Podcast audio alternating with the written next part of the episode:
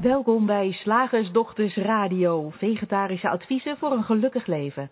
Linda Spaanbroek en Angela Mastwijk geven je een kijkje achter de toonbank van de menselijke ervaring. Hoe werkt het daar nu echt? Wij maken gehakt van ingewikkelde concepten en fileren met liefde ook jouw leven. Dat alles onder het motto geluk. Mag het een onsje meer zijn? Hallo luisteraars en hallo Angela aan het andere kant van de lijn. Goedenavond allemaal. Um, jij bent een beetje zachtjes volgens mij. Kan dat? Kan dat kloppen? Moet je met Zal je ik bij je... bij mijn computer komen zitten? Helpt dat? Ja, gezellig. dat is beter. hey, wat was het leuk hè, afgelopen zaterdag, eh, of afgelopen zondag met de theatershow. Ja, ik heb genoten. Ik dacht echt, oh, dat wil ik echt elke dag wel doen. Of elke Ja. week of zo. Ja, echt superleuk. En uh, ja, ik wil het hier nog even noemen om uh, iedereen die erbij was uh, te bedanken voor het, ja, voor het enorme enthousiasme, voor, het, voor de staande ovatie. Het was echt heel, heel erg gaaf. En we hebben natuurlijk niet de gelegenheid gehad, helaas, om, om iedereen persoonlijk te bedanken voor je aanwezigheid na, na de theatershow. Maar er was op een gegeven moment zo'n lange rij om ons gedacht te zeggen dat ik begreep van een aantal mensen dat ze maar door de achter of door de zijdeur zijn, uh, zijn vertrokken. Uh, nou, dat was natuurlijk jammer dat uh, dat, dat dan niet persoonlijk kon, maar ja, het was super gaaf. Super gaaf. Ja, en er werd ook al gevraagd om herhalingen. Dus, uh, maar wij dachten, ja, eigenlijk zijn wij te lui om dit nog een keertje te regelen. Maar, maar wel bereid om, als het ons gevraagd wordt door bedrijven of instanties of, of wat dan ook, om, uh, om onze schort nog een keertje aan te trekken, onze broccoli nog een keertje in te slaan en het, uh, het hakbijltje tevoorschijn te halen en dan gewoon ergens ter plekke onze ons optreden te doen, weer volledig geïmproviseerd. Dus kan het wel een ander verhaal worden, maar natuurlijk altijd met dezelfde grondslag en dezelfde verwijzing naar moeiteloos en ontspannen leven. Want het mag ook makkelijk. Het mag, uh, het mag zeker makkelijk. Dus uh, nou ja, voor, iedereen, uh, voor iedereen die luistert en die, die niet weet wat die grondslag is waar Angela het over, over heeft. Uh, wij baseren ons op de drie principes en als je daar meer over wil weten, ga dan naar shiftacademy.nl. Uh, en uh, daar kun je op de homepage een gratis e-book aanvragen, drie stappen naar geluk. Daar leggen we je meer uit over, over die drie principes. Nou, dat gezegd hebbende, gaan we het vandaag hebben over kerststress. Oh ja, ik kan me het nog heel goed herinneren. Ik denk dat het een jaar of vijftien geleden was dat ik bedacht had, God weet waarom, dat ik mijn hele familie, zijnde mijn ouders en twee zussen met twee zwagers en een broer en een schoonzus en, en, en de kinderen die daarbij hoorden, om die allemaal uit te nodigen op, uh, op tweede kerstdag.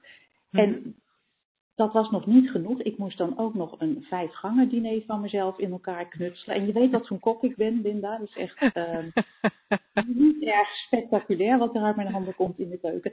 Maar ik, ik dacht destijds, en dan ga ik, want het is tenslotte kerst. En ach, um, um, gewoon omdat het, omdat het kan en omdat ik dacht dat het zo hoorde en beter was dan een uh, gekochte uh, kerstdis ging ik ook alles zelf maken. Echt de bouillon vooraf met de uh, paprika ruitjes erin en, en achteraf de chocolade moest alles zelf gemaakt. Ik heb echt ik heb vier dagen bij de Albert Heijn gestaan. Ik heb uh, vervolgens nog vier dagen in de keuken doorgebracht. Verhit, want ik kon totaal dat allemaal niet plannen. Dat het ook nog op, op een bepaalde volgorde warm moest zijn en klaar. En oh ja, stoofpeertjes waren er en, en uh, rollades van verschillende uh, afkomst. Ja, het was echt uh. Ik heb er niet van erg van genoten, moet ik zeggen. Ten eerste had ik weinig tijd om te zitten, omdat alles op tijd uh, klaar moest zijn en ook nog op de juiste temperatuur die ik in mijn hoofd had, of die uit de boeken kwam, liever gezegd. En, uh, um, ja, en, en, en na vier dagen in de keuken had ik ook niet echt honger meer. Alleen de lucht van de, van de rollades maakte me al misselijk. Dus ik, ik kan me die kerststress nog erg levendig voor de, voor de geest halen. Er moesten natuurlijk ja. ook nog cadeautjes onder de, onder de boom voor mijn twee bloedjes van kinderen. En dat moesten niet zomaar uh, cadeautjes zijn, maar die moesten echt, daar moest ik heel lang over nadenken. Wat ze het aller, aller, aller, allerliefste wilde hebben. Was al lastig, want kinderen hadden alles al. En um, nou, dat moest er ook nog feestelijk verpakt. Word je al moe van me? Ja, ja, ja, ja. Ik, uh, ik word er heel moe van. Ja. En, ik, en ik denk dat, je, dat, wat jij nu beschrijft, dat, uh, dat heel veel mensen daar hun eigen variant van hebben. En misschien dat niet iedereen even uh, druk in de keuken gaat staan. Maar ja, gaan we dan wel naar het juiste restaurant? Zijn we er wel op tijd? Hebben we wel de juiste jurk aan? Doen we het dit jaar bij jouw familie of mijn familie? komt dat dan wel uit in het schema met kinderen? Uh, want een beetje, een beetje samengesteld gezin heeft met kerst echt een, een, een leuke logistieke uitdaging om alle kinderen op het juiste moment op de juiste plek oh, te krijgen. Is het huis al goed? niet straalbezopen? Wat zeg je, wordt? Wordt ome Frans niet straalbezopen en handtastelijk? Precies. Weet mijn moeder zich wel te gedragen of weet mijn zus zich wel te gedragen? Wordt het weer ruzie net als vorig jaar? Nou, kortom, er zijn echt uh, legio, legio zaken aan te noemen of uh, aan te wijzen waardoor, uh, ja, waardoor kerst, kerst, voor veel mensen een, een stressvolle situatie wordt. En, en dan lijkt het weer, lijkt het weer, ja. Alsof dat komt door die dingen van buiten. Alsof ja. het de maaltijd is die Angela nerveus maakte. Alsof het de, de, de dronken tante is waar we ons over opwinden. Alsof het de, de, het schema binnen het samengestelde gezin is waardoor we uh, oversturen raken. En, uh, en als, je, als je naar ons luistert, hè, dan, dan praten wij er ook over alsof het daaraan ligt. Ja. Uh, omdat, het, omdat het voor veel mensen zo voelt. Maar er is iets anders aan de hand. Er is iets anders aan de hand waardoor kerst en stress uh, hand in hand met elkaar lijken te gaan. Uh, terwijl, terwijl die twee niet onlosmakelijk met elkaar verbonden zijn. En om even dat, dat voorbeeld te nemen van, uh, van, van het, het, het schema van het uh, samengestelde gezin, hè, waar een vader en een moeder twee sets kinderen hebben, die ook nog een vader en een moeder hebben, uh, maar dan een andere, die, die, die, die ook kerst willen vieren en opa's en oma's aan alle kanten. Dus er zijn veel meer dan twee sets opa's. Hè, er zijn soms wel acht sets opa's Overdrijf ik het nu? Twee, vier? Ja, ja, nee, ik overdrijf het een beetje. Maar er kunnen, er kunnen minstens vier sets opa's en oma's zijn die eigenlijk allemaal ook iets met die, uh, met die kleinkinderen willen. Maar natuurlijk wel, uh, ja, maar we hebben maar twee kerstdagen. Kunnen we hooguit kerstavond erbij pakken, maar dan heb je er nog steeds maar drie.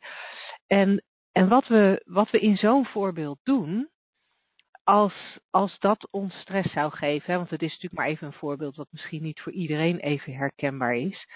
Uh, ik ken het toevallig omdat ik uh, nou ja, met mijn partner zo'n samengesteld gezin vorm. Um, maar wat er, wat er dan aan de hand is, is dat het, niet, dat het eigenlijk, als je daar heel sec naar kijkt, niet het, um, het onderhandelen over wie, waar, wanneer de stress is. Want dat is een kwestie van een paar appjes of een paar telefoongesprekken waar we onszelf vaak stress mee bezorgen, in dit specifieke geval, is de gedachten die we erover hebben. En die gedachten gaan dan in de trant van, um, ja, maar het is wel belangrijk dat opa en oma de kinderen ook op kerst, uh, met kerst zien. Waardoor we zelf eigenlijk een hele complicerende factor in het schema brengen. Het is wel belangrijk dat alle kinderen met z'n allen om tafel zitten uh, met kerst. Uh, en, en, en niet het ene set kinderen op eerste kerstdag en een andere set kinderen op tweede kerstdag. Want dat is niet gezellig. En dan is het niet compleet. En dan is het geen kerst. En ik hoop dat, dat je hoort dat, dat die specifieke gedachte, dat ik het in dit voorbeeld op een heel specifieke manier wil, dat ik zelf heel veel voorwaarden verbind of, of heel veel voorwaarden bedenk waaraan het kerstdiner moet voldoen, of de omstandigheden van het kerstdiner moeten voldoen, voordat ik tevreden ben, voordat ik het gezellig vind, dat dat de stress oproept. En niet het feit dat wij toevallig een samengesteld gezin zijn. Niet het feit dat ik toevallig een paar appjes of een paar telefoontjes moet plegen met verschillende mensen om het een beetje in elkaar te passen. Ja, precies. En dat onderscheid is heel belangrijk om dat te zien. Dat het nooit omstandigheden zijn, maar altijd wat je verzint. Ik bedoel, als we helemaal teruggaan naar de bron, dan is zelfs 25 en 26 december natuurlijk volledig verzonnen. Zouden wij ergens op een eiland in de wereld verblijven waar we geen kalender hadden en ook geen, uh, geen, geen uh, telefoon, zouden wij niet eens weten dat het kerst was. En nee. zouden, wij er ook geen gedachten, zouden er ook geen gedachten opkomen van wat er allemaal wel of niet bij hoorde bij die, bij die twee dagen. Want als we dat onderscheid niet zien, hè, als we blijven denken dat, dat uh, stress vastzit aan dat samengestelde gezin, of aan die kerst, of aan, uh, aan, aan, wat we denken dat bij kerst uh, hoort, dan, dan, dan gaan we ook de oplossingen aan het verkeerde, in de verkeerde richting zoeken. Hè. Dan gaan we zeggen, nou ja, kerst, hè, dat betekent eigenlijk niet zoveel. Dan gaan we, we vieren het wel op een andere dag. Of, of we, gaan, we gaan oplossingen zoeken in, in de buitenwereld om onze stress te verminderen. Nou, weet je, als ik stress krijg van, van koken, dan, dan bel ik wel een traiteur. Maar oplossingen in die richting zoeken, dat is een, dat is een eindeloze exercitie. Dat is wel wat er vaak gebeurt. Maar de, de, de fundamentele oplossing zit in, in het feit wat jij zojuist noemde. Het is nooit de omstandigheid, nooit de datum, nooit het samengestelde gezin, nooit uh, iets, iets buiten je wat stress oproept, maar altijd wat je in het moment verzint, uh, wat, jij denkt dat waar is. En jij noemde al een paar, uh, een paar mooie, van dat je met z'n allen aan tafel moet zitten, dat het dan pas gezellig is, leuk verzinsel. Mm -hmm. Of dat, dat alle, alle, alle opa's en oma's exact hetzelfde aantal uren, minuten, seconden met de, met, met de kleinkinderen moeten brengen. Dat soort dat soort verzinsels. En als we kunnen zien dat dat de oorzaak is van onze stress, dan gaan we richting uh, een fundamentele oplossing. Ja, en, en wat ik interessant vind aan wat je, aan wat je vertelt, dat je, dat je daarbij aangaf van ja, en dan gaat het er dus niet om dat je de traiteur belt zodat je het kerstdiner niet meer uh, hoeft te maken. Nee. Uh, en, da en daar, zit een, daar zit eigenlijk een hele interessante, want dat zou heel best de conclusie kunnen zijn. Het zou heel prima zijn dat, dat jouw conclusie, als je, als je inzicht uh, krijgt in waar wij over praten, dat jouw conclusie is, oh joh, maar ik kan ook een traiteur bellen. Uh, ja. En de conclusie kan ook heel prima zijn, ach weet je, het is ook prima voor opa en oma als ze de kinderen op 28 december zien. Ja. Alleen dan, um, waar, waar, waar waar jij naar verwees, volgens mij, dat wil ik heel graag wat, wat verduidelijken voor onze luisteraars, dat het kan klinken alsof we tegen je zeggen, ah joh, het is een kwestie van omdenken. Het is allemaal niet zo belangrijk, maak je daar niet zo druk over. en misschien zeggen we dat op een bepaalde manier ook wel, maar met een heel andere achtergrond dan het omdenken. Wat wij heel graag willen meegeven is, hé, hey, het is nooit de kerst, of het diner, of de opa en de oma die jou stress geven. Het is alleen maar wat je ervan denkt. En dan mag je dat gewoon blijven denken. Je mag kerst gewoon enorm belangrijk blijven vinden. Je mag het gewoon enorm belangrijk blijven vinden dat jij met je hele samengestelde gezin op eerste kerstdag gezellig aan het diner zit. En daar mag je dan ook nog gewoon vijf gangen voor uh, in elkaar knutselen als je daar zin in hebt. Alleen, realiseer je dat als dat niet moeiteloos voor je voelt, dat dat te maken heeft met het feit dat je er heel veel gedachten bij hebt. En die gedachten die, die gaan misschien nog wel een laagje dieper dan uh, um, uh, ik moet zelf koken. Die gedachten gaan misschien wel in de richting van als ik niet zelf kook, ben ik geen goede moeder of ben ik geen goede vrouw. En als ik geen goede vrouw in, in de zin van partner ben, dan, dan uh, gaat hij misschien wel bij me weg. Of uh, uh, geen idee wat je allemaal bedenkt. Maar vaak, vaak zit er achter zaken waar je heel veel belang aan hecht, zit vaak een, een, nou ja, een, een, een wagonlading aan andere gedachten waar we ons vaak niet van bewust zijn, die dan met kerst zo allemaal meekomen in dat kerstdiner. Alle onzekerheden van het hele jaar en je hele leven lijken zich dan een soort van te, ja, die lijken een soort van te exploderen tijdens dat kerstdiner, waardoor dat een gewicht krijgt wat het niet hoeft te hebben als je je realiseert dat je in elk moment altijd alleen maar je gedachten voelt. Ja, en daar zit een, zit een fundamentele, uh, ik zou bijna zeggen, opluchting in. daar, zit, daar zit een fundamentele oplossing in. Omdat uh, de raad die we elkaar geven als er iemand bijvoorbeeld aan kerststress leidt. Ik, ik zag laatst een, een post op LinkedIn waarin gesteld werd, nou, als mensen mochten kiezen met de kerst, dan zou 90 of 60 of 70 in ieder geval een hoog percentage ervoor kiezen om op een zonnig eiland te zitten zonder de familie. Nou, dan kwamen er hmm. allerlei uh, tips van, nou dan doe je dat toch? Ja, nee, maar weet ik veel. En dan zie je dat, dat, dat zo'n tip, zo'n omdenktip, van oh, dat zou ook kunnen, totaal niet fundamenteel iets verandert. Maar waar wij het nu over hebben, wat jij mooi aangeeft, het feit dat je in elk moment alleen je gedachten kunt ervaren en niet, een, en, en niet de kerst en, en niet um, uh, een festiviteit, een, een dag, een, een samen zijn. Het is altijd alleen maar je gedachten in het moment die je ervaart. Die realisatie alleen, dat, dat is werkelijk oplossend. En dan zie je het inderdaad, net wat jij zegt, precies zoals je van plan bent of gewend bent te doen, of radicaal anders, maar dat is totaal niet relevant. Nee, want als het. Uh, als je echt de effecten gaat merken van het inrichting van die drie principes kijken, dan, dan merk je dat allerlei dingen die eerder stressvol waren, dat op een gegeven moment gewoon niet meer voor je zijn. En dat je je nog maar heel beperkt kunt opwinden over dingen waar je nu van wakker ligt. Als je heel erg je best doet. Ja, als je echt heel erg je best doet, lukt het nog wel eens.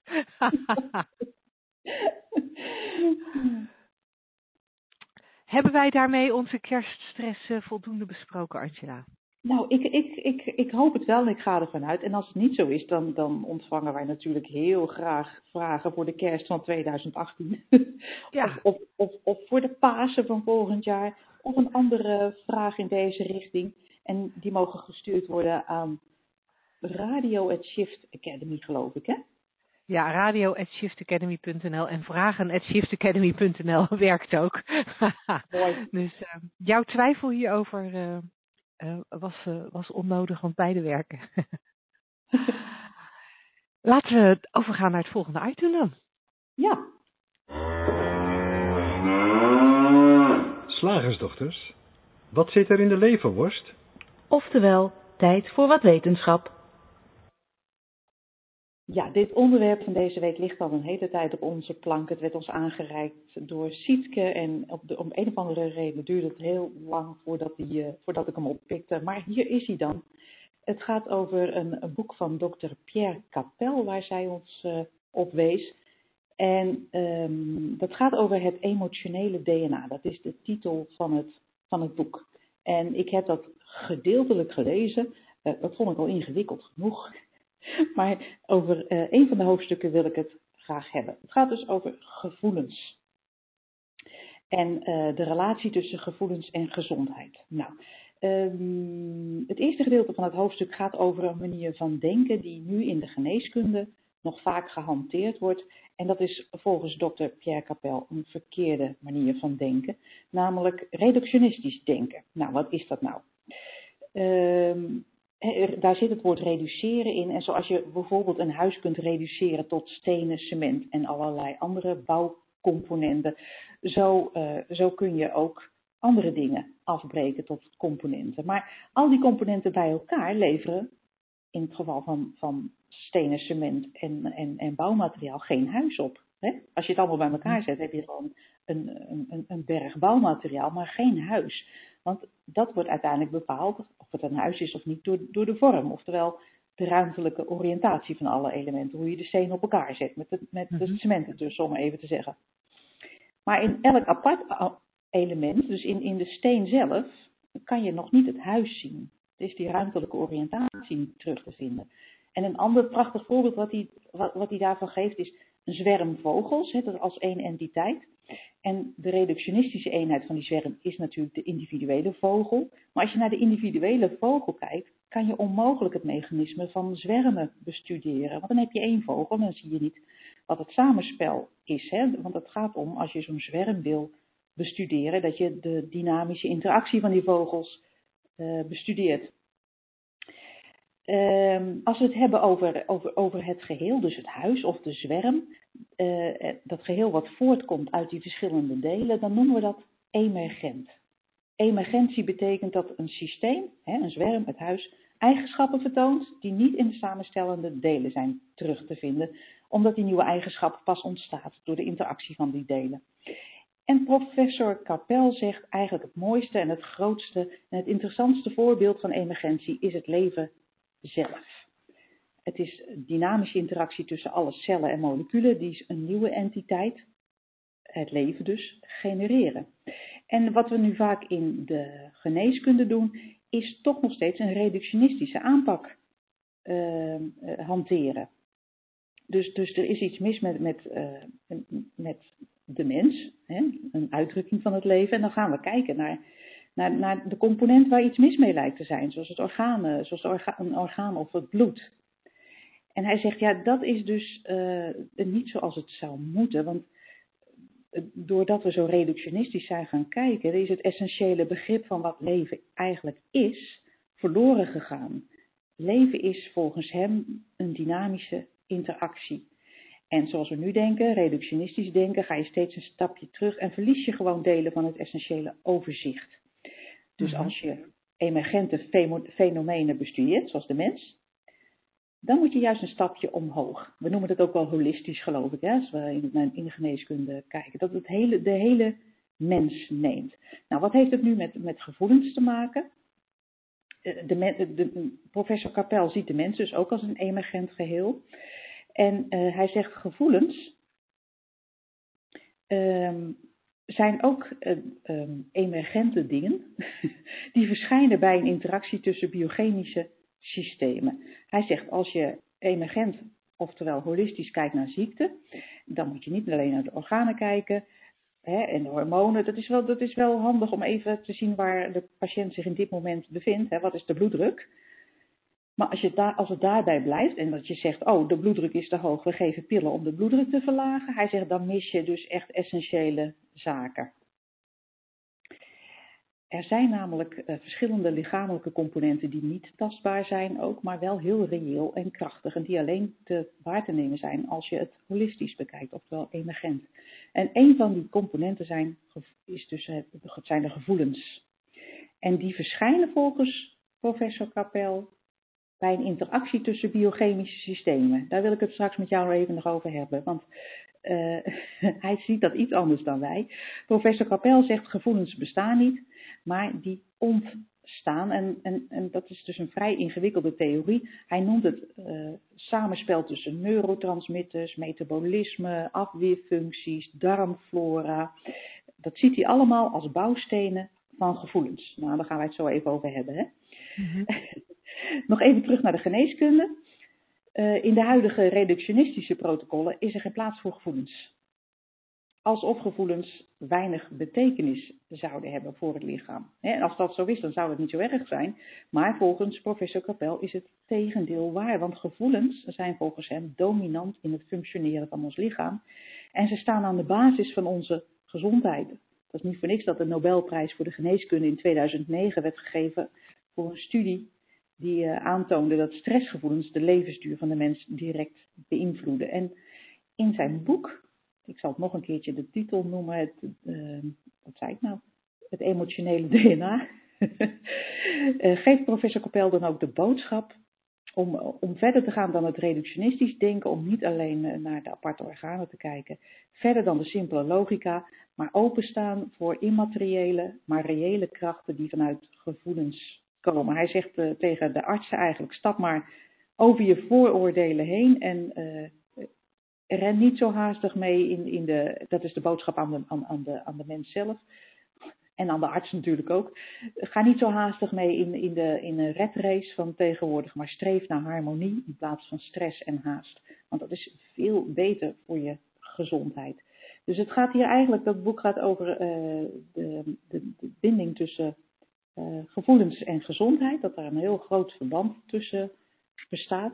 En dan vind ik het wel weer jammer, maar dat is natuurlijk ja, um, wel zoals er uh, vaak naar wordt gekeken buiten onze drie principes, principewereld. dat professor Kapel, en daar is hij niet de enige in, gevoelens um, ziet als, als iets heel ingewikkelds. En dat hij ook bijvoorbeeld uh, neurotransmitters noemt als oorzaak. Een van de oorzaken, een van de bouwstenen van gevoelens. En wij zien dat in de drie principes veel simpeler. Hè? Wij zeggen gevoelens zijn gewoon eigenlijk uh, een, een afspiegeling van wat je denkt in het moment. Het is echt één op één. Wat je in dit moment denkt, dat zul je voelen. En wij zeggen dat ja, al die neurotransmitters. Kijk, jij en ik hebben daar niet zo heel veel verstand van misschien. Maar bijvoorbeeld uh, eh, Dr. Bill Pettit, we hebben hem al eerder genoemd in deze show, is een um, Amerikaanse psychiater en psychofarmaceut. Heeft heel veel verstand van biochemische processen in de hersenen. Die zegt ook, ja, neurotransmitters, al die biochemica in je hoofd, die zijn het gevolg van wat je denkt en voelt. En niet, mm een, uh, niet een bouwsteen. En ook, uh, ja, er worden hier genoemd, je afweersysteem, dat is niet een bouwsteen van gevoelens. Dus ik heb een slecht afweersysteem, dus ik voel me niet lekker. Maar wij zien dat ook helemaal andersom. Hè? Van als je, ja, je denkt dingen in het moment, dat voelt niet lekker als het vervelende dingen zijn. En dat heeft invloed op je, op je, op je afweersysteem. Dus, dus uh, dat onderdeel van dit, uh, van dit hoofdstuk van dit boek, wat dus nog maar een heel klein deeltje is van wat professor Kapel wil communiceren. Uh, dan zeggen wij, uh, nou, wij, wij, zien eigenlijk de oorzaak van gevoelens heel anders. Maar verder die, die connectie tussen, tussen gevoelens en, uh, en fysiek, dat, dat merken wij ook, hè? Jij en ik. Ja. nee, dat klopt. Uh... Ik heb zelf bijvoorbeeld, als ik, als ik, ik weet als ik uh, hoofdpijn krijg, dat ik met mijn denken ergens uh, een verkeerde afslag heb genomen. Of nou ja, verkeerd, in ieder geval eentje die niet zo prettig is. Ja. Ja, en ik, ik heb in het verleden wel gemerkt dat ik uh, uh, meer, meer pijnklachten, of eigenlijk mijn, mijn eigen pijnklachten verergerde. Mm -hmm. zonder dat ik dat in de gaten had, achteraf gezien via mijn denken. Ehm, en hetzelfde met vermoeidheidsklachten. Dat vermoeidheid ook vaak samenhangt met denken. Te veel denken, ja. te stressvol denken, voortdurend aan de vermoeidheid denken. um, en, en dat dan zelf niet in de gaten hebben. Um, ja, ik moet zeggen, ik, ik, vind, ik vind vooral wat je, wat je aangaf over uh, deze arts die, die, die een theorie heeft over waar, uh, waar gevoelens uh, vandaan komen. Mm -hmm. wat, wat ik weet over, uh, over recente psychologie, maar het zou bijna interessant zijn om onze collega Paulien daar een keertje voor in de uitzending te halen. Uh, bij zo'n stukje wetenschap, om, om daar zo dieper over te hebben. Uh, want voor zover ik weet, is er op dit moment in de psychologie nog steeds niet gevonden waar emoties precies zitten. En er, zijn wel, er zijn wel theorieën over, um, uh, waar ook bijvoorbeeld een techniek als EMDR op gebaseerd is, in uh, eye movement desensit EMDR desensitizing. Nou, maar de Desensitizing. Ja. Uh, nog iets. Ja, um, die, die R ben ik ook even kwijt. Maar in ieder geval iets waar, waar vooral trauma's uh, mee verholpen worden. En, um, en, en die, die techniek is erop gebaseerd dat um, uh, emoties opgeslagen zouden zijn in een bepaald deel van de hersenen. Ik meen de hippocampus, maar ik ben altijd heel slecht in het onthouden van, uh, van dit soort uh, details. En dat als je dan die, die snelle oogbewegingen maakt terwijl je praat over het trauma, dan zou, dan, dan zou de herinnering de kans krijgen om uit dat deel van je hersens te verdwijnen en daarmee ook zijn effect op je emoties um, verliezen. Uh, mm-hmm. en dat lijkt, uh, dat lijkt goed te werken in veel gevallen bij veel mensen, maar, maar of maar dan wordt er dus gesproken over waar het, waar het gevoel of de emotie tijdelijk opgeslagen wordt, waar de herinnering van het gevoel opgeslagen wordt. Maar het ontstaan van het gevoel, waar komt de emotie precies vandaan, dat lijkt toch in ieder geval in de reguliere wetenschap nog steeds erg moeilijk uh, boven tafel te krijgen. Waar wij over praten is uh, um, niet een reguliere wetenschap in dit geval. Um, wij praten als het over dit soort dingen gaat echt vanuit een, uh, een spirituele invalshoek. En, en wijzen dan in een richting waarin door de eeuwen heen veel gewezen is. Als het gaat om waar, ja, waar onze essentie vandaan komt, waar, uh, ja, waar onze ervaring uh, vandaan komt. En um, Ja, en wat wij, wat wij zien en met ons die, die psychiaters en psychologen, waar jij net naar, waar jij verwees net naar Bill Pettit, maar er zijn natuurlijk meer, um, waar zij toch in hun werk met die drie principes steeds weer op terugkomen, dat, dat, dat het heel erg waar lijkt te zijn dat er geen gevoel kan zijn zonder een, uh, zonder een bijbehorende gedachte. Mm-hmm. Wat niet wil zeggen dat we de gedachte altijd kennen. Nee. Uh, of herkennen. Um, maar je kan, natuurlijk, je kan het ook heel makkelijk testen. Um, je kan terugdenken aan iets wat je heel uh, eng vond of heel vervelend vond. Mm-hmm. En als we daar met z'n allen even vijf minuten aan gaan zitten denken, elk aan ons eigen drama in ons leven, dan ga je je ook vanzelf weer rot voelen. Dan komen die emoties ook weer op. Ja. Omdat je eraan zit te denken. Terwijl vijf minuten daarvoor, toen je er niet aan dacht, had je er geen last van. En voor mij is dat zo helder. En dan denk ik, oh, we kunnen het heel ingewikkeld gaan doen over neurotransmitters en hormonen en weet ik het allemaal. Mm-hmm. Um, maar kijk wat er gebeurt met jezelf. Ja, dit maakt alles zo simpel. En, en dan lijkt heel even de boodschap te zijn. Dus je moet alleen maar positieve dingen denken, want dan voel je je fijn. Maar ook, ook dat is, uh, is, is niet de opdracht hier. We verwijzen alleen maar dat je welzijn altijd aanwezig is, omdat je, omdat je nu eenmaal geworteld bent in, in, die, in die spirituele basis daar, daaronder. Dat er dus niks te doen is. Dat je alleen daarbij ja, schijnbaar weg kan denken in het voorbeeld wat jij noemde, even vijf minuten denken aan iets, iets vreselijks wat je is overkomen of wat je vreest dat je zal overkomen in de toekomst. Nou, dan denk je je weg bij, bij je welzijn, wat er altijd is. En zodra je dat inziet, is eigenlijk is alleen de realisatie dat dat het systeem is, al genoeg om, ja, om het onlogisch te maken om dat nog langer te doen of, of heel, lang, heel lang te doen of heel vaak te doen. Dat is gewoon uh, ja, niet langer logisch als je, als je die realisatie hebt en op het moment ja. dat je het je realiseert. Maar waar het me wel aan doet denken is dat ik al een paar keer in de afgelopen jaren uh, iemand ben tegengekomen die geïnteresseerd raakte in de drie principes, ging zien, hé, hey, dat wat ik denk, uh, ervaar ik via mijn gevoelens.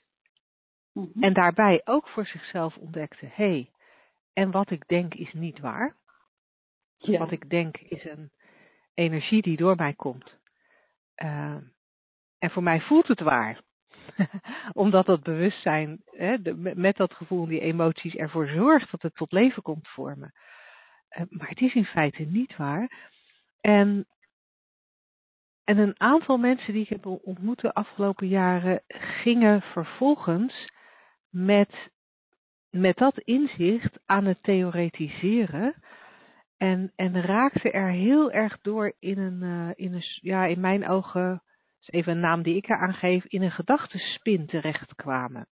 Mhm. Die heel erg gingen proberen te verklaren hoe dingen zitten en hoe het dan komt dat we voelen wat we denken en hoe het dan komt dat we überhaupt denken en ehm, en daar raak je, daar raak je eh, ongemerkt zo mee in een overdrive. Daarmee creëer je zoveel extra onrust in je hoofd. Dat, dat de boodschap die ook verscholen ligt in waar wij naar wijzen, namelijk als het denken niet wel iets is wat we doen, maar niet per se zo belangrijk is, dan kan er heel veel rust in je hoofd ontstaan, daarmee heel veel ontspanning en heel veel moeiteloosheid in je leven. En, en als je de andere kant op slaat, door juist extra te gaan denken, uh, extra te gaan theoretiseren, dan creëer je eigenlijk extra onrust in je hoofd, die, je, ja, die de moeiteloosheid weer helemaal van je leven afhaalt. En op mij, met alle respect voor de arts die dit boek heeft geschreven, komt het heel erg over als overtheoretiseren. Ja. Uh, nou, dat vond en- ik ook. Ik dacht, ik ben zo blij dat ik dat hele boek niet hoef te lezen van mezelf. ja, Dat ik het van mezelf zo simpel mag houden, omdat, het, om- omdat er gezien is dat, daar, dat, dat de oplossing zit altijd in de, in de, in de eenvoud en, en niet in de analyse. Je, alles, wat je, alles wat je zoekt, vind je al voordat, je, voordat de eerste vraag in je opkomt. In de stilte. ja, ja, Daar, wordt- daar wordt het gezien, daar is het te vinden. En elke analyse is alleen maar een, een spel van dat, van dat denken wat, wat, wat, wat denkt. Huh. Dat, Mhm. dat het dingen moet weten en dat het dingen op moet lossen en dat het eh, oorzaken moet weten en, en gevolgen. En, en dat is zonde van je tijd, zou ik bijna willen zeggen. Het is echt Ja. zonde van je tijd. Ja. Als je weet wie je bent, hè, als je weet waar je geworteld bent in die, in die spirituele basis, achter, eh, eh, achter de illusie eh, waarin we leven, die we, die we van moment tot moment vormgeven met, eh, met elke nieuwe gedachte die opkomt. Dan, ja, het is, het is gewoon niet logisch om, om dit soort, eh, in dit soort analyses te duiken. Het is niet nuttig, het is te omslachtig. Het mag ook makkelijk. Het mag, het mag zeker ook makkelijk. En, en ik kan me tegelijkertijd wel voorstellen dat dat ook iets spannends heeft. Want ehm, veel van ons zijn wel heel erg gehecht geraakt aan hun denken. Mhm. Ehm, ik, ben er, ik ben er daar zelf eentje van. Ik heb, ik heb toch lang mezelf ehm, gedefinieerd ja, via, via mijn intelligentie en mijn analytisch denkvermogen. Dat was, ja, dat, dat was voor mij voor een heel deel waarop ik functioneerde en wie ik was en wat mij, ja, wat mij maakte tot wie ik was. En dat dan loslaten, daar Dat minder mee bezig zijn, ehm, dat was wel heel spannend. Want dat betekende wel dat ik iets losliet waarvan ik denk, dacht dat het echt heel belangrijk was. Ja. Dus ik kan het me voorstellen hè, dat het heel aantrekkelijk is om juist die kant op te gaan van het overanalyseren. Eh, maar ik ben er, ik ben er heel langzamerhand achter gekomen dat het leven echt een stuk moeitelozer is als je dat niet doet. En, en, en, en dat je dan natuurlijk je, je denken en je echt nog wel eens gebruikt. Ik bedoel, als wij zoals afgelopen zondag eh, op het toneel staan, ja, dan scheelt het natuurlijk dat we allebei snel kunnen denken. Want dat betekent wel dat we, dat we allebei snel kunnen reageren op vragen die uit het publiek komen. Eh, en dat we er iets leuks van kunnen maken on the spot.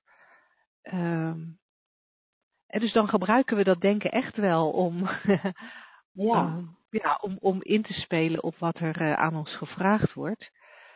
Eh, maar, dat, maar je hoeft dat niet altijd aan te zetten. Nee, en Dat, het- eh, ik zie dat ook meer als een soort, eh, soort, soort inspiratie die dan komt. Want we hebben niets van tevoren eh, bedacht over de antwoorden die we moesten geven. Want wij wisten niet wat voor vragen er kwamen. Nee. Dus ik zie dat echt van, oh, dat, dat is uit het niets komen de, eigenlijk de, de, de, de, de mooiste responsen.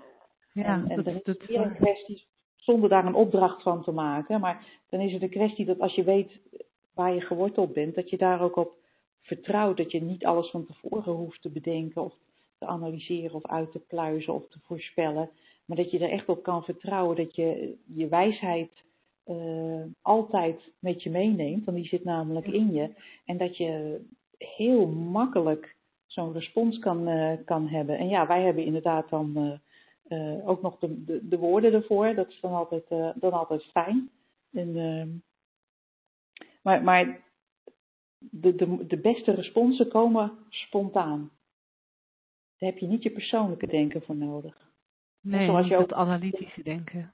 Nee, niet het analytische denken. Zoals je ook in, een, in, in acute noodsituaties ja, uit, uit een respons kunt hebben die je totaal niet van jezelf verwacht, die je niet van tevoren had kunnen bedenken. Dat je uh, sterker bent dan je, dan je dacht, slimmer bent dan je dacht, effectiever bent dan je had kunnen bedenken. Gewoon omdat, omdat er in, vanuit die wijsheid dan eigenlijk vanzelf gehandeld wordt. Hè? We hoeven alles niet uh, als mens uh, te regisseren.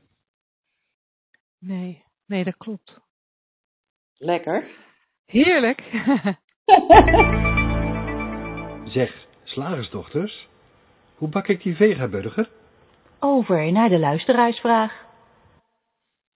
Nou, het is heel leuk, maar we hebben weer eens een vraag die ingediend is via de website. En het is een vraag van Arda. En mm -hmm. Arda woont in Tisdale, volgens mij is dat ergens in Amerika. Okay. Um, en zij zegt, hallo Angela en Linda. Sinds september ben ik naar jullie podcast aan het luisteren. Ik denk dat ik de meeste inmiddels wel heb gehoord en ik vind het geweldig wat jullie doen. Ik heb een paar vragen voor jullie. Jullie zeggen dat alle emoties opgeroepen worden door ons denken. Maar als er iemand heel veel rage of woede in zich heeft, maar geen idee waar het vandaan komt, en ontdekt door een verhaal, een geur, hulp van een psycholoog of wat dan ook, dat hij zij vroeger seksueel is misbruikt, en dat daar de woede vandaan komt, hoe kan het dan zijn dat zijn of haar gedachte deze emotie opwekt? Omdat hij het zich niet herinnerde. Dat is vraag 1. Aha. Laten we die eerst even pakken. Ja, ja er, zijn, er zitten heel veel aspecten aan die vraag. En ik wil wel even een voorzetje doen en samen komen we er natuurlijk altijd uit. Uh, uh, jij zei net al heel terecht, je bent je niet altijd bewust van wat je denkt. Nee, ik geloof dat 90% onbewust plaatsvindt. En, uh, maar dat, dat, dat voel je allemaal wel, ook al is niet iedereen zich ook altijd bewust van die gevoelens. Hè? Dat is ook nog een ding. En um, dus, dus je weet eigenlijk niet zo goed en gelukkig maar, want dat, zou heel vervelend zijn als je van elke van die 50.000 gedachten per dag uh, bewust was. Je weet heel vaak niet waar je denken zich mee bezighoudt, maar je voelt wel, bijvoorbeeld dus in dit voor, voorbeeld in het geval van woede, uh, dat, het, uh, dat, dat, er, dat er een hoop gedachten aanwezig zijn. Als je inzicht zou hebben in de drie principes, dan weet je nou, als ik boos ben, dan, dan spelen er heel veel gedachten in mijn hoofd. En dat is de oorzaak van mijn boosheid. Natuurlijk kunnen we in analyse, in psychologie daar een oorzaak voor zoeken. En, en dan zou bijvoorbeeld seksueel misbruik uit kunnen komen. En ik zeg niet dat dat niet vreselijk is en dat dat niet gebeurt en dat dat, uh, um, dat, dat, dat, niet, uh, dat we dat moeten bagatelliseren, helemaal niet. Maar als we kijken, als, er zijn heel veel mensen seksueel misbruikt, niet allemaal, uh, hebben ze enorme boosheid in zich. Dus daarmee geven we al aan uh, dat die connectie misschien niet zo één op één is als dat we in, in, uh, in de psychologie hebben beschreven en bedacht. Hm. En het kan ook zijn dat iemand die seksueel is misbruikt vroeger soms heel erg boos is, misschien wel maandenlang, maar ook wel eens een week heeft dat hij niet boos is. Ook dan weer, dat seksueel misbruik heeft ooit plaatsgevonden. Maar er is dus geen één op één connectie, want anders zou je permanent boos zijn. Hè? Want die, uh, die gebeurtenis heeft plaatsgevonden. Mm -hmm. En als je boosheid 100% uh, gekoppeld zou zijn aan de gebeurtenis, dan zou je het ook altijd moeten voelen. Dus ook daar zit, zit iets om naar te kijken. Ja. Dus het is per mens verschillend en in, uh, in elk moment verschillend. Terwijl wat, wat plaats heeft gevonden, heeft plaatsgevonden. Punt. Ja, en ik, ik denk dat als, we- als we heel sec naar eh, Arda's vraag kijken, eh, die, gaat, eh, die gaat eigenlijk heel specifiek over van ja, maar als je het niet meer weet, hoe kan het je dan toch nog beïnvloeden? En ik denk dat je dat in het begin van Mhm. je, van je antwoord eigenlijk al zei. Ja, er zijn heel veel onbewuste gedachten eh, waar wij toch nog steeds op reageren. Ehm, Ja. en... Jij hebt daar een hele leuke term van. Oh ja, is dat zo? Ja, gedachtenmeuk van de zolder. Oh ja. De bric-à-brac van onze gedachtenzolder. Ja. Ik heb daar in, in ons boek eh, een hoofdstuk waar je dat, eh, waar je dat ook inderdaad in, eh, in terugvindt. eh. Ehm, in, dat, in dat hoofdstuk beschrijf ik ook hoe we vaak reageren, zonder dat wij in de gaten hebben dat we reageren op iets van vroeger. Ehm, we denken dat we reageren op wat er in het heden gebeurt. Iemand zegt iets tegen je Mhm. en dat maakt je boos.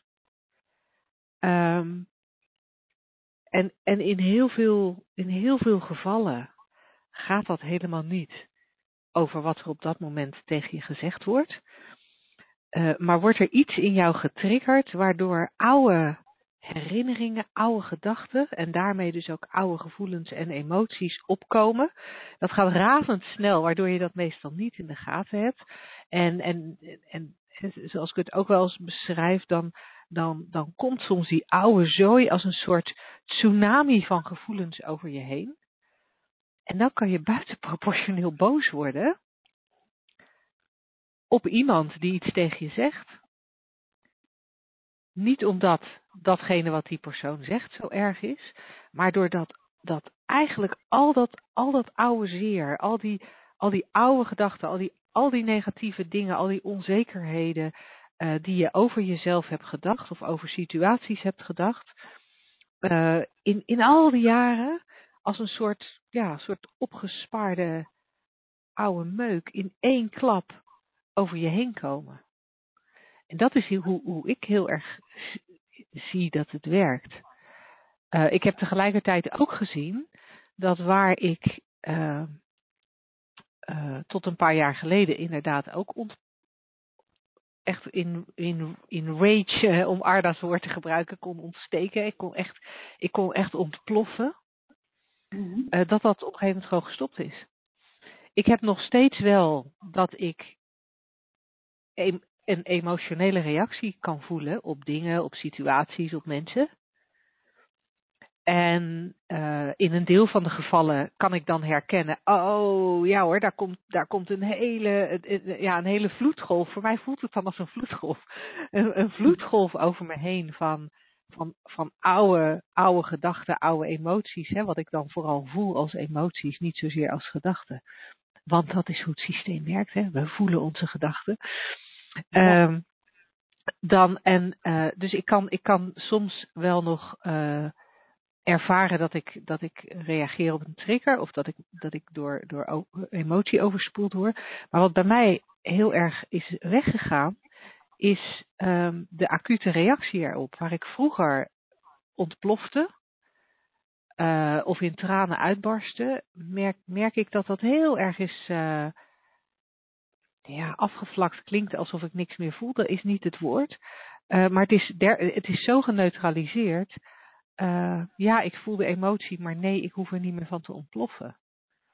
En dat is wel heel fijn. En dat kan, uh, dat kan, dat kan voor, voor iedereen over elk onderwerp.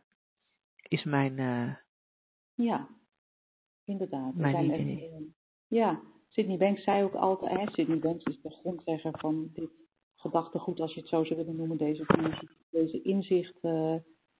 Um, die zei ook altijd van een, een, een, een nare herinnering is alleen maar een gedachte die je in de tijd hebt meegenomen. En zodra je kan zien dat dat het is, hè, hoe erg het ook is wat er gebeurd is, want dat, daar doen we echt niks van af. Dat, Hmm. Maar wat je er nu nog van voelt, zijn alleen je gedachten die je hebt meegenomen. En eigenlijk geldt dat ook voor wat er nu gebeurt, waar je nu op reageert. Je reageert nooit op iets wat iemand zegt. Jij omschreef het al heel mooi. Je, je reageert niet op, op iets wat iemand zegt, maar je reageert op je eigen gedachten in dat moment. En al is het maar de gedachte, dat zou hij niet moeten zeggen. Ja. ja. ja. Dat zou hij niet moeten zeggen. Zou, zou, zou bijvoorbeeld degene tegenover je exact hetzelfde zeggen, maar in een taal die jij niet verstaat? Zou dat bij jou, ja, dat kan je niet ervaren. Want je begrijpt niks, dus dan ervaar je, dan, dan is er geen gedachte. Dan, dan ervaar je ook niks en kan je vriendelijk glimlachend de meest vreselijke beledigingen uh, doorstaan. Dat kan ook als het in je eigen taal is. Als je uh, realiseert dat je altijd alleen maar op je eigen gedachten reageert. Het hoeft natuurlijk niet, hè. je kan ook gewoon weglopen. Maar dat is eventjes een, andere, een ander Ja. verhaal. Waar, waar we echt de nadruk op leggen is, je voelt je gedachten. Niet een gebeurtenis, niet een ander. Niet het verleden, niet de toekomst. Alleen maar je eigen gedachten in het moment. Ja, cool. Hm. Ehm, dat voor Arda's eerste vraag. Dan nog Arda's tweede vraag. Eh, van de drie. Eh, ook zou ik graag willen weten wat jullie denken dat er met de diamant gebeurt als wij doodgaan. En even voor mensen die misschien nog niet zo lang eh, naar ons luisteren. Wij gebruiken wel eens de metafoor van de diamant, waarbij wij, waarbij we aangeven van, ja, jij, jij, jij bent als, als persoon onderdeel van de universele levensenergie. De levensenergie die ervoor zorgt dat je haar groeit, dat je nagels groeien, dat een wondje geneest, dat de blaadjes van de bomen vallen, dat de zon eh, opkomt, eh, de wind waait, de regen naar beneden valt. Die universele levensenergie, daar zijn we onderdeel van. En, en, en dat is je kern, dat is je kern wie je bent. En die is altijd oké. Dat, daar is altijd welzijn. Daar, ja, daar is altijd een goed gevoel. En wij verwijzen daar graag naar als een diamant. eh, om aan te geven van hé, hey, dat is mooi, dat is blinkend met veel facetten, maar ook ijzersterk.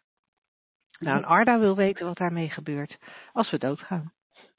Ik vind, het, ik vind het een hele coole vraag. En misschien dat jij er net iets een andere insteek in hebt, Sik. Ik zie die diamant als eigenlijk de, de, de onver, onverbreekbare verbinding met, met, eh, met, met de waarheid achter de menselijke ervaring. Universele levensenergie, zei jij altijd. En, en die, die waarheid achter de menselijke ervaring. Je menselijke ervaring is tijdelijk. Die illusie waarin je leeft is tijdelijk. Al je gedachten, al je gevoelens. Hoe geweldig ook, hoe mooi verhaal je ervan maakt. Of hoe vreselijk drama het, eh, het lijkt. is allemaal de tijdelijke illusie. En als ik het over die diamant heb, dan is dat de onveranderlijke waarheid daarachter. Je, en je verbinding daarmee kan je voelen in, in welzijn. En eh, aangezien er met waarheid nooit iets verandert, zou ik zeggen met je diamant verandert niks. Want dat is gewoon. Dat is eh, onveranderlijk. En als het vormpje ophoudt te bestaan, als je, als je aardepakje niet langer ehm, eh, die, die levensenergie in zich heeft, ja, dan is die diamant nog steeds de diamant. En we hebben natuurlijk heel veel tradities waarin er gezegd wordt, nou, hè, waarin er gesproken wordt over een ziel die dan ergens heen gaat. En ik moet gewoon zeggen, dat weet ik niet. Nee, en, en ik denk dat ik iets andere woorden gebruik dan jij en, en, en tegelijkertijd waarschijnlijk naar hetzelfde wijs. Ehm, voor mij is die diamant echt een metafoor, hè? Het- het, eh, maar, maar, maar het is natuurlijk niet echt iets tastbaars.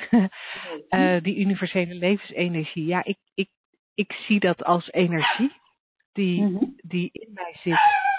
Sorry dat hier een hond gaat blaffen, dat gebeurt maar zelden. maar net vandaag tijdens de radio-uitzending kiest hij ervoor Ja. om te blaffen.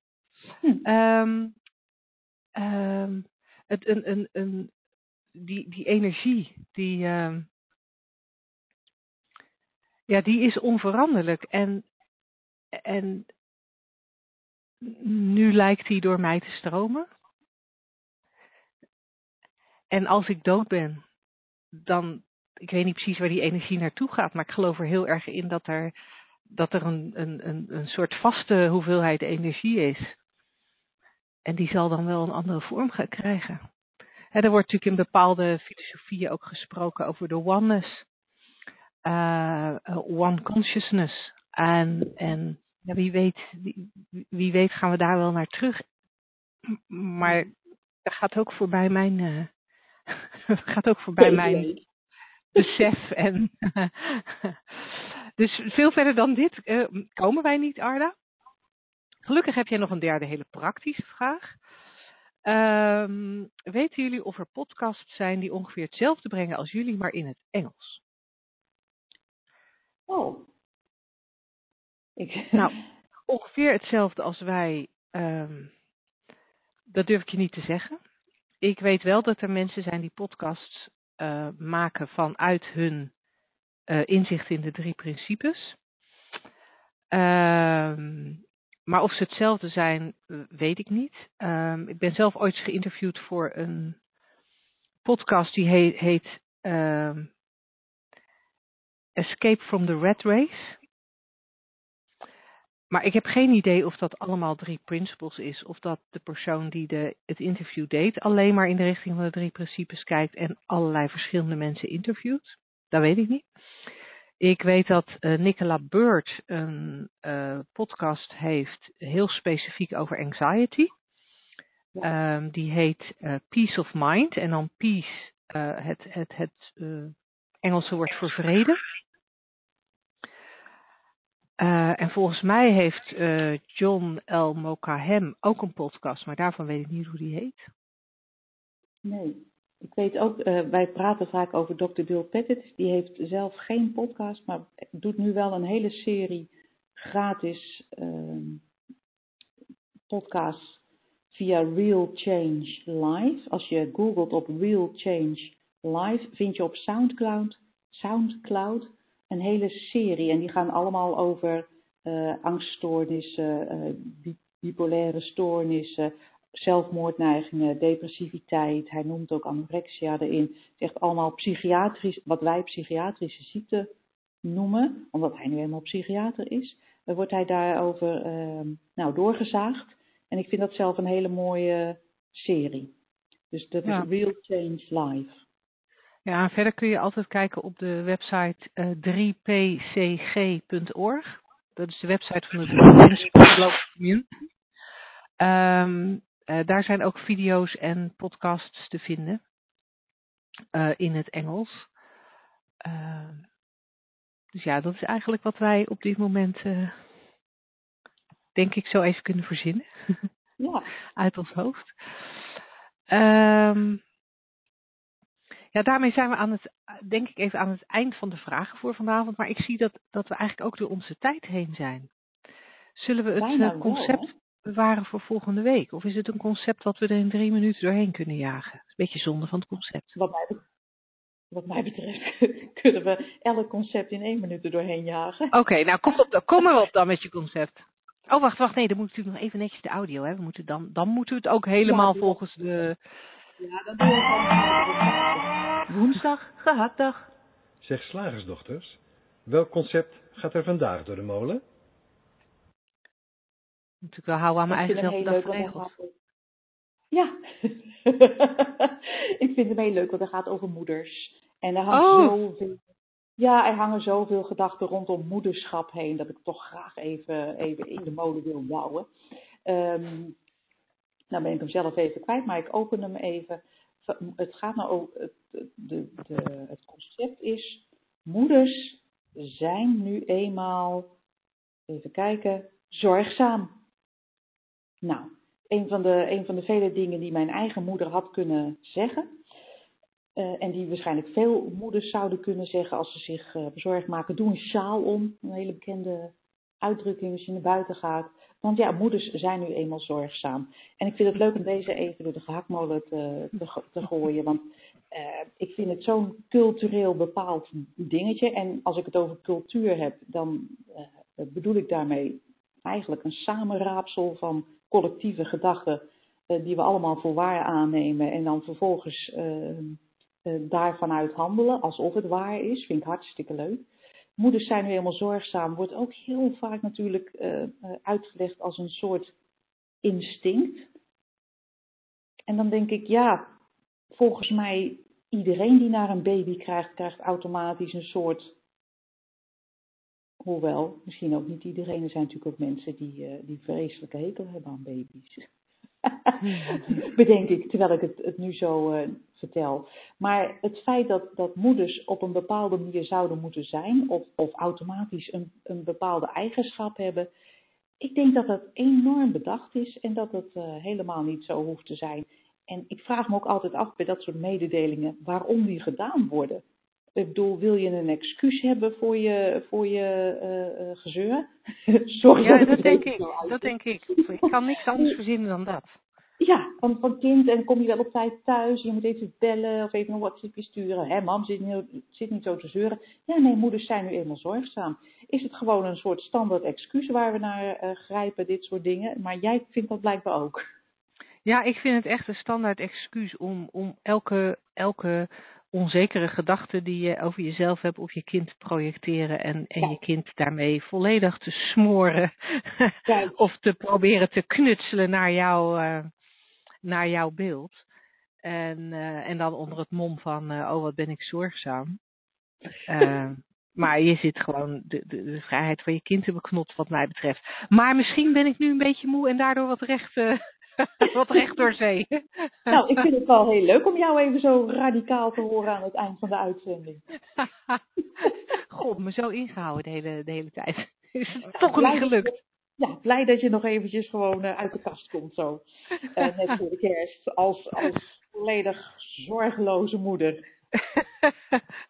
nou, dan wil ik niet zeggen dat ik zorgeloos ben, maar ik realiseer me wel dat, dat uh, als ik ga lopen betuttelen, dan, dan is dat niet voor mijn kind. Dan is dat uh, omdat ik mijn eigen onzekerheid uh, of mijn eigen oncomfortabele gevoel wil, wil sussen. Geweldig. Ik vind, hem, ik vind hem met die zin echt finaal emoties gehakt. nou, dat hebben we dan heel keurig binnen de tijd gedaan. Hartstikke, hartstikke leuk. Uh, ja, dan, dan resten ons twee mededelingen.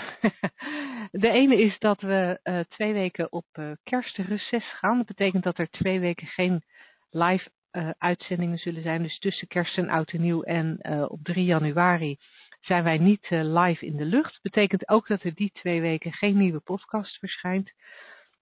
Maar vanaf 10 januari zijn we gewoon weer elke woensdagavond trouw bij je. Same time, same place.